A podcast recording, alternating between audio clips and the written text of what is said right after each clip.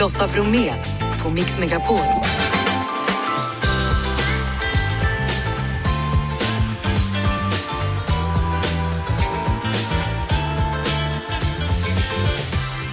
Hallå där och varmt välkommen till oss här på Mix Megapol i dagens tisdagsmix. Donald Trump riskerar 400 år i fängelse. Idag ställs den före detta presidenten inför rätta och vi är givetvis på plats. Magnus Carlsson är aktuell med allsång runt om i landet, bland annat. En längre intervju med honom har ni efter klockan 17. Vi pratar också teknik, vi pratar om hästar som klipper gräs och alldeles strax, jo då, då blir det country. Nu kör vi!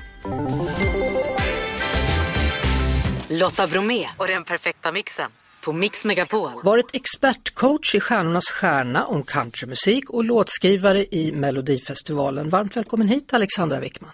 Tusen tack, jätteroligt. Ja, jag sa att det kommer bli country. Ja. Hur, hur, hur märker man det? Kan man märka det på att du kom med en vit hatt? Kan det vara så? Ja. Ja, jag kom ju både med gitarr och vit hatt.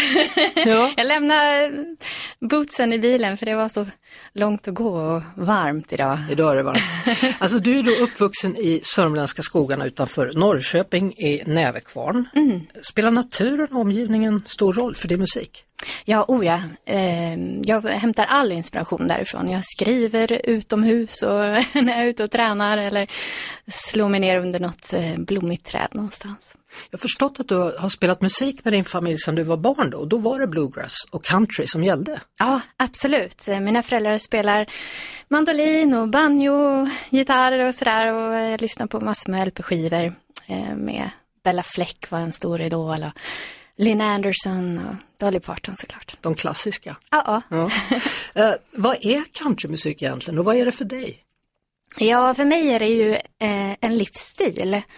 Jag lever och andas i countrymusiken och eh, både här och i Nashville. Så eh, ja, det är det enda jag lyssnar på. Ja, och jag, och jag har förstått att du reser liksom fram och tillbaka och jobbar med några då av Nashvilles mest framstående musiker. Ja. Hur är det att vara i Nashville då? Hur var det första gången du Åh, var där? Det var helt, det var som en öppen famn att komma dit. Jag, jag klev av och det första jag såg på golvet när jag kom utanför planet var ett plektrum som, låg, som jag plockade upp. Så, Och du kände nu är jag på rätt ah, plats. nu är jag på rätt plats. Ja. Ja. nej, det var helt underbart. Och var är det plektrumet nu undrar jag då? Ja, men det ligger hemma Ja. på pianot.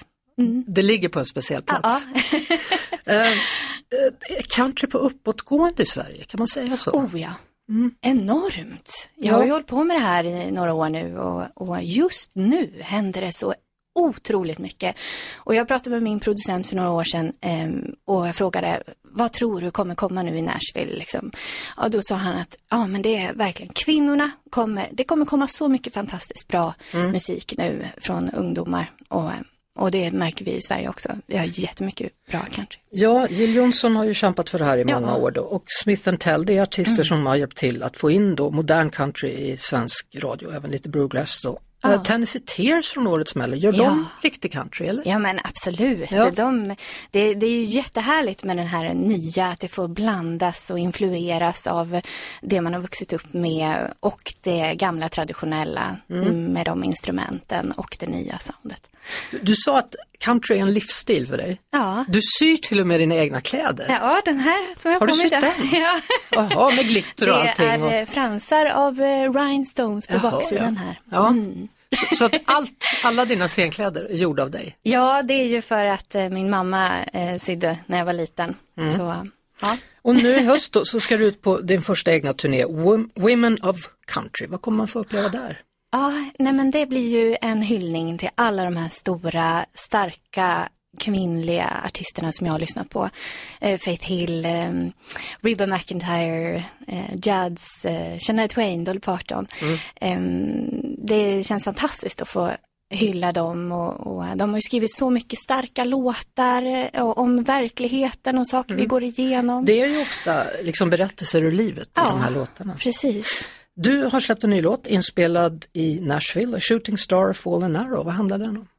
Ja, den handlar om att vara stark och gå vidare. Det kan vara mobbing eller eh, relationer eller vad som helst så.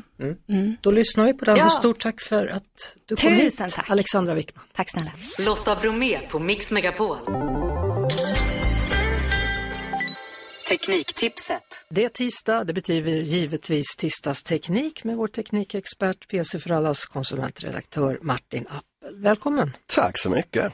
Ja, ibland är det för varmt, ibland är det för kallt. Som alla vet så kan ju den här svenska sommaren vara rätt opålitlig och det kan vara en utmaning att få rätt temperatur. Vad finns det för prylar som kan hjälpa oss med det här? Mm, det finns rätt många olika alternativ men om du är beredd att betala så är en ganska bra lösning någonting som kallas för en luftvärmepump. Och det här det är en pryl som både kan göra din stuga varmare och kallare beroende på vad du vill ha. Det är en ganska stor och klumpig sak som består av två delar. Du har en del som du sitter utomhus och en som du har inomhus. Utomhusdelen den tar in värme utifrån och inomhusdelen har då en fläkt som sprider den här värmen.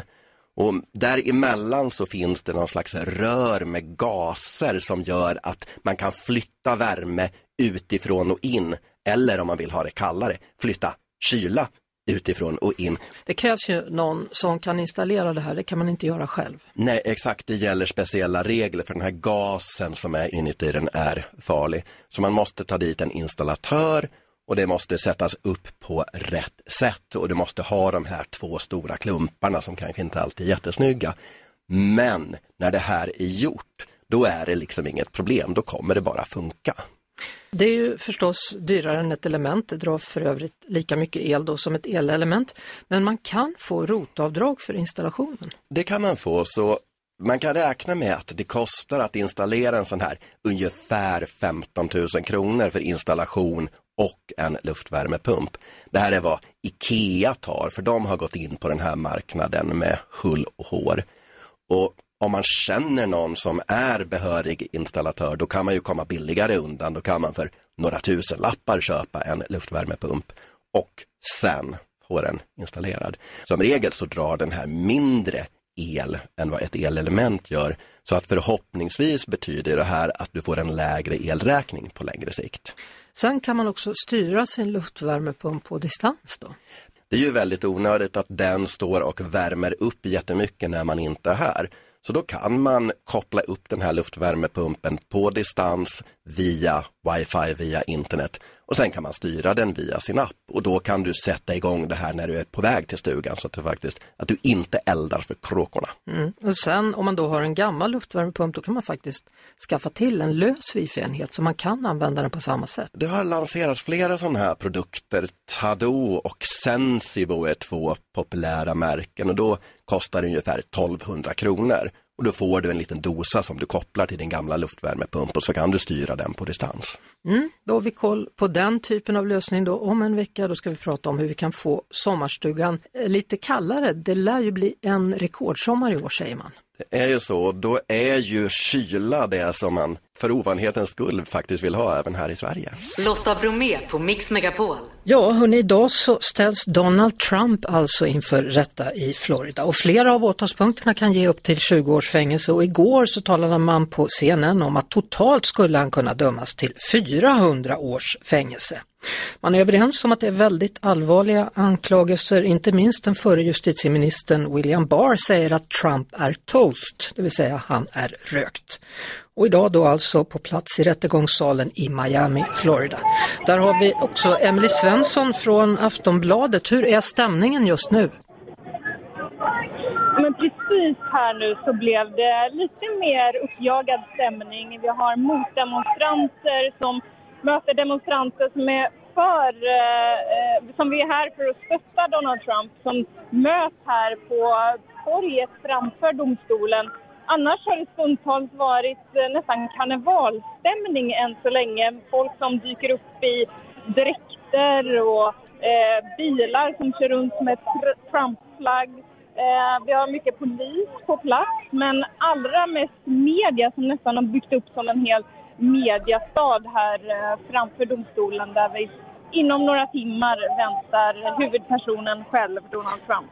Ja, alltså hur orolig är man för att det här ska eskalera? För man har ju kunnat följa det här via internet då och sett att en del pratar till och med kom beväpnade.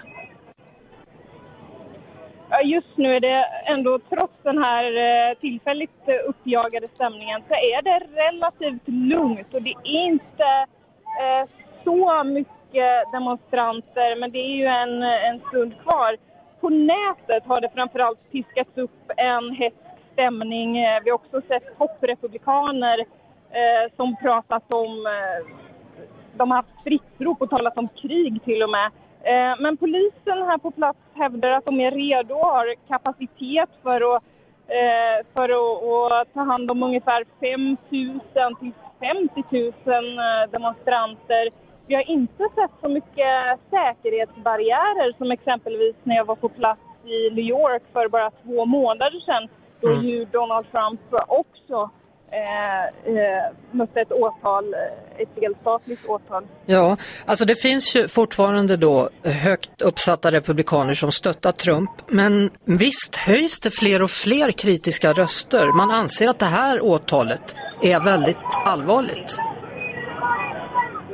Ja, men det stämmer och den tyngsta rösten där är väl Trumps tidigare justitieminister Bill Barr eh, som ju sa att om bara hälften av det som vi ser i det här 49-sidiga åtalet är sant så, så är han körd. Eh, vi har hört andra röster från hans tidigare administration också men det är ändå en Trump-falang i Republikanska partiet som eh, stöttar honom vad som än händer. Det återstår att se då hur allt sammans blir. Det återstår också att se huruvida han kommer få ta mugshots eller inte. Han ska ju dyka upp så småningom då i rättegångssalen. Stort tack Emily Svensson, reporter på Aftonbladet på plats i Miami utanför domstolen. Lotta Bromé på Mix Megapol. Längre gäst idag i dagens program det är Magnus Karlsson. Han dyker upp efter klockan 17 men redan nu det här. Magnus Karlsson, topp 5 scenkläder. Nummer 5. På femte plats så har vi den här pipigula sparkdräkten som Carola kom springandes i 1983. Alla härmade den efteråt och satte ett brunt skärp i midjan och på med bruna stövlar. Och eh, alla stövlar runt och såg ut som Carola ett tag där. Du också? Eventuellt ja. det var ingen snygg historia kan jag berätta, men det har skett. Nummer fyra. Fyra, då, då följde vi upp eh, Carola, så att 84 kom det ju de här glitterguldskorna. Och det var samma sak där, alla skulle ha dem, fram med sprayburkar. Och sen fick man offra ett par skor, men jädrar vad snyggt det var. Nummer tre. Nummer tre, där ska jag faktiskt lägga något av mina egna bidrag. Så Nara Nora Saint-kläderna som vi i Alcazar hade när Lars Wallin designade dem. De var helt magiska. Jag kände mig otroligt naken, men det var snyggt otroligt röda är mitt omdöme och eh, coola. Men det är en klassiker har jag förstått. Folk kommer ihåg dem där. Nummer två. Nummer två är en ikonisk eh, outfit som Afrodite gick upp på scenen med. De här jättekorta silver klänningar, kort kort kjol, alltså, jag vet inte vad det var. Jag kommer nog mest ihåg det för att jag gjorde ett nummer efteråt när jag imiterade Afrodite i det här med håriga ben och hårig bringa och allt det där och det såg för bedrövligt ut. Men, men det där är kläder som uh, håller fortfarande. Nummer ett. Nummer ett är, uh, ja, alltså en, kan säga, en, en blå basker med glitter på, en Napoleon som står och dirigerar och sen så kom de då ABBA. Alltså hela den här outfiten som då följde hela ABBAs karriär med platådojor, glitter här och var och ah, jag saknar ord. Det, det, det går inte att bli mer Eurovision eller pop än sådär. Lotta Bromé på Mix Megapol. Vi har haft en fråga ute under dagen på Mix Megapols Instagram stories. Den har handlat om sommarlovsmorgon. Vilken av alla sommarlovsmorgnar minns ni då? Angelica Prick var ju med häromdagen i programmet och berättade ju om årets sommarlovsmorgon då som precis som vanligt sänds ifrån Malmö där sommarskuggan springer runt och så vidare. Men när man frågar er så hamnar vi lite längre bak i tiden då. Patrik Gabrielsson minns Tippen och skulle jag räkna hur många Tippen har fått så är det nog, nog flera som minns just Tippen. Det gör Miss Emsan också, Johannes dessutom, Lajsa 81 säger också Tippen och mamman som hoppar i sängen hon säger också Tippen. Annars är det någon som säger Trasan och banan eller kanske när det var Mini Kins eller Solstollarna. Alltså jag försöker komma ihåg vad jag minns, jag vet inte, hur gammal är jag egentligen? Det undrar man när man läser det här. Solstollar, Tippen, och så är det någon som säger va? Det är väl ungefär det jag säger också. Va? Lotta Bromé på Mix Megapol. Magnus Karlsson, välkommen till Mix Megapol. Tack så jättemycket. Hur är läget? Läget är otroligt bra. Det är kanoners. Ja, det blev ju en härlig turné för dig och Linda Bengtzing nu under våren. En turné som ni kommer fortsätta med i höst dessutom. Exakt, vi har precis, precis haft premiär på det här och vi är uttömda på energi men otroligt lyckliga över resultatet. Ja, när det var pandemi, Mm. vad gjorde du då? Eh, då gjorde jag precis som alla andra, man satt hemma och väntade ut stormen, brukar jag säga. Eh, var förbaskat trist, allra helst när man är kreativ och eh, klättrar på väggarna när man är ledig helt enkelt. Det var mycket planeringar som gjordes under pandemin, något som inte syns utåt, men mycket möten, digitala dock, men eh, sitta och förbereda när förhoppningsvis det här skulle släppa. Och när det gjorde det, då var det bara att trycka på knappen. Jag pratade med Linda Bengtzing för några veckor sedan och hon tyckte det var bedrövligt. Hon längtade ju efter att det skulle hända någonting och många av er musiker och artister säger ju att det här var en jättejobbig period. Ja, gud ja. ja, ja, ja. Och eh, precis, alltså just det här när de släppte upp och så kände man lite hopp om livet. Men så small det till igen och så blev det en backlash och så fick man gå in igen och stänga ner. Den var nästan jobbigast när man såg mållinjen och man kunde liksom ta på den. Men nej, Var befinner du dig nu i ditt liv, tycker du? Eh, Jag befinner mig rent konkret i mitten av livet, eh, i, på en platå som känns väldigt, väldigt skön och härlig, både karriärsmässigt och privat och liksom alla plan synkar, måste jag säga. Så jag är mycket harmonisk och glad. När man kollar liksom på all typ av musik som du har gjort så är det ju flera olika genrer. Det är lätt att tro att det bara är schlager men så är det ju faktiskt inte. Nej, det finns allt möjligt där. Men det är ju det, jag älskar att slänga mig in i saker som är nya grejer för mig. Så att det kan vara allt ifrån att jag gästar på en gospelplatta till att jag sjunger folkmusik, Måns Jinder, disco, pop. Eh, Jag har till och med sjungit hårdrock live bara för att liksom testa på. Det, det är sånt där som, som triggar mig vidare. Samtidigt så är det ju så att du hamnar ju alltid åter i schlagerfacken på ett sätt. Ja, det är där jag har liksom min, min bas någonstans runt schlagerpop där. Det är där jag trivs och det är där jag liksom utgår ifrån. Sen kan jag leka lite däremellan, men så, så om man tittar på dina låtar, vilken är den bästa mellolåten som du har deltagit med, tycker du själv? Du får välja antingen med Barbados, med Alcazar eller på egen hand. Den är svår, men som hantverk så står det nog mellan Live Forever och Möt mig i Gamla stan tror jag.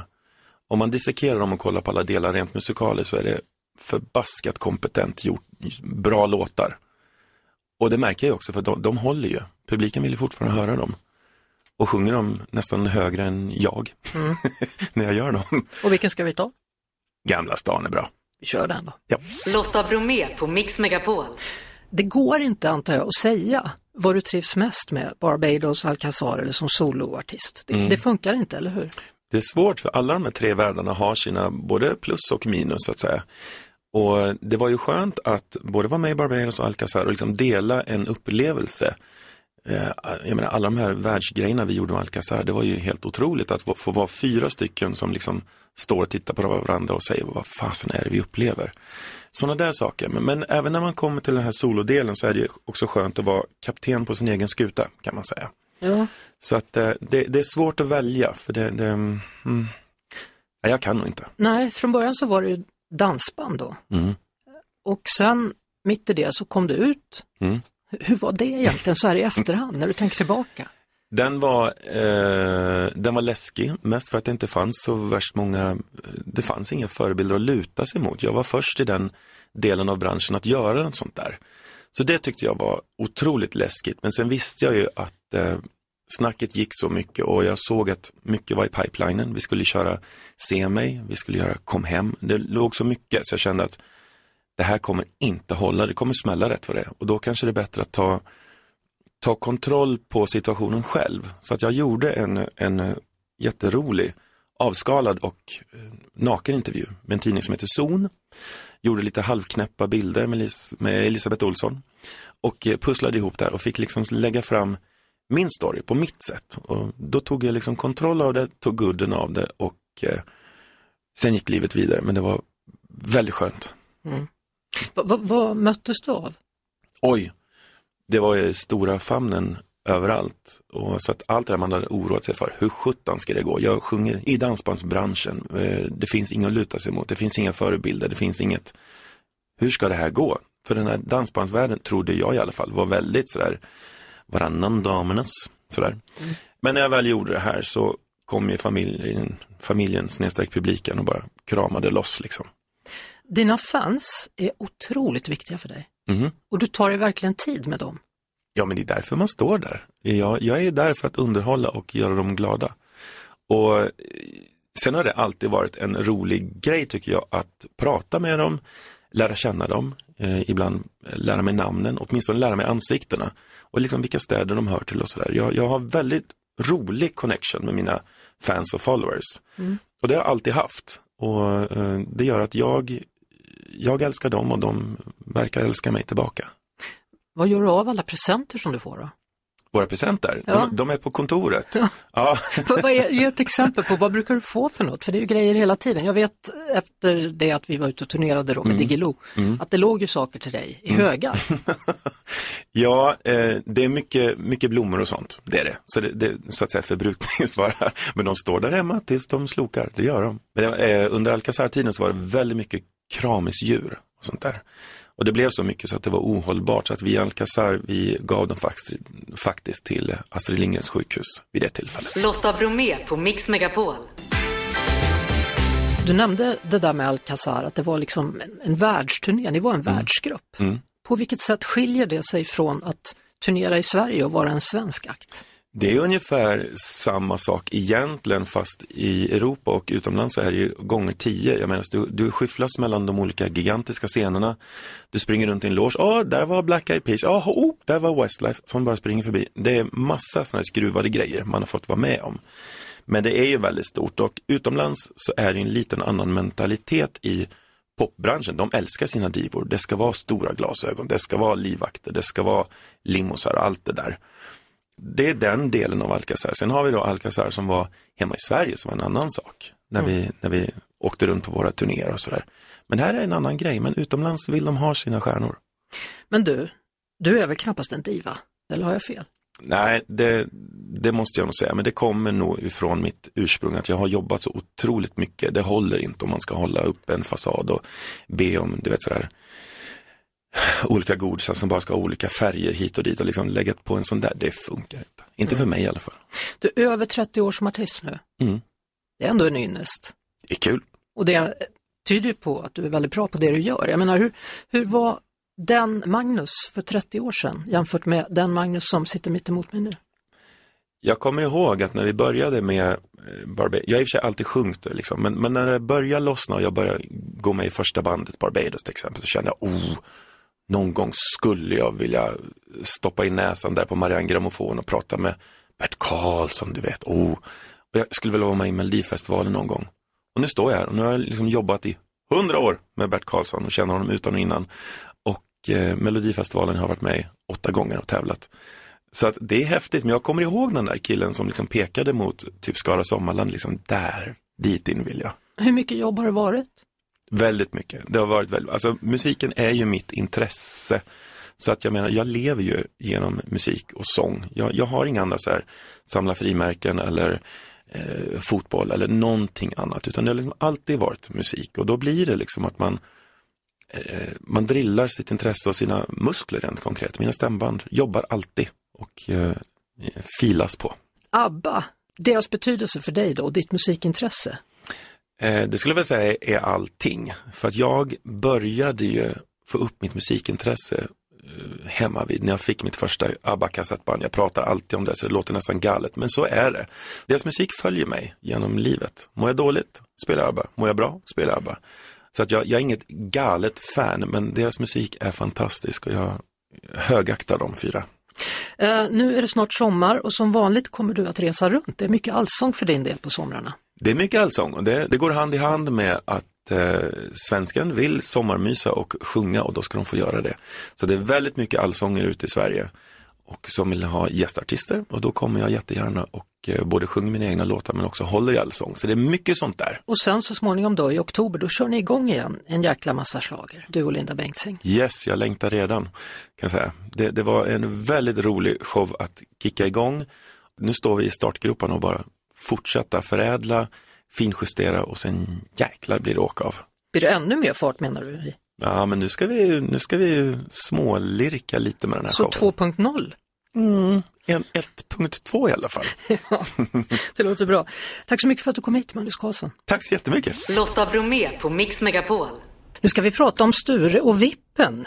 Det är nämligen två nya arbetskamrater som David Wessling i Falun har fått. David, berätta, Sture och Vippen, dina nya arbetskamrater. Ja, Sture och Vippen, det är ju mina arbetskollegor.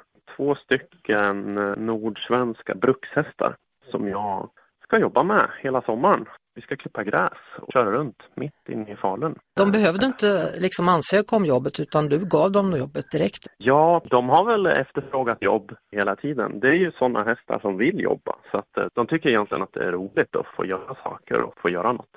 Och när de klipper gräs då så går det ut på att du kör dem och så drar de efter sig då någonting? Ja, alltså det de drar efter sig Alltså handjagare kan ju finnas, man skjuter framför sig. Men då i och med att hästarna är så pass starka då så får de dra fem stycken i bredd bakom sig istället. Det blir alltså väldigt brett. Nästan två meter bred klippyta som de tar där. Och man kan ju tycka att det är nog så jobbigt att dra en sån där själv när man håller på. Men eh, för dem är det inga problem, trots att det är fem stycken. Då. Alltså de är starka, den typen av hästar du? Ja, de är jättestarka. Och de väger det... ganska mycket också va? Ja, nordsvenskarna så här väger kring 700-800 kilo ungefär. Så att det är rejäla hästar och det är mycket kraft i dem. Det är jättehäftigt när de tar i. Hur går det med svängarna då, när ni har kommit till slutet liksom och ska göra en rundning? Då är eh, själva vagnen konstruerad så att hästen kan svänga och även jag kan svänga. Alltså jag kan styra vagnen med fötterna samtidigt som jag kan svänga med hästen. Hästen kan nästan svänga helt 90 grader åt ett håll och jag kan fortsätta och åka framåt. Men det är ett ganska långt ekipage, det får man ju ändå säga. Ja. Det är ju som en gräsklippare och tillkommer en häst. Och så du också i din sits där då?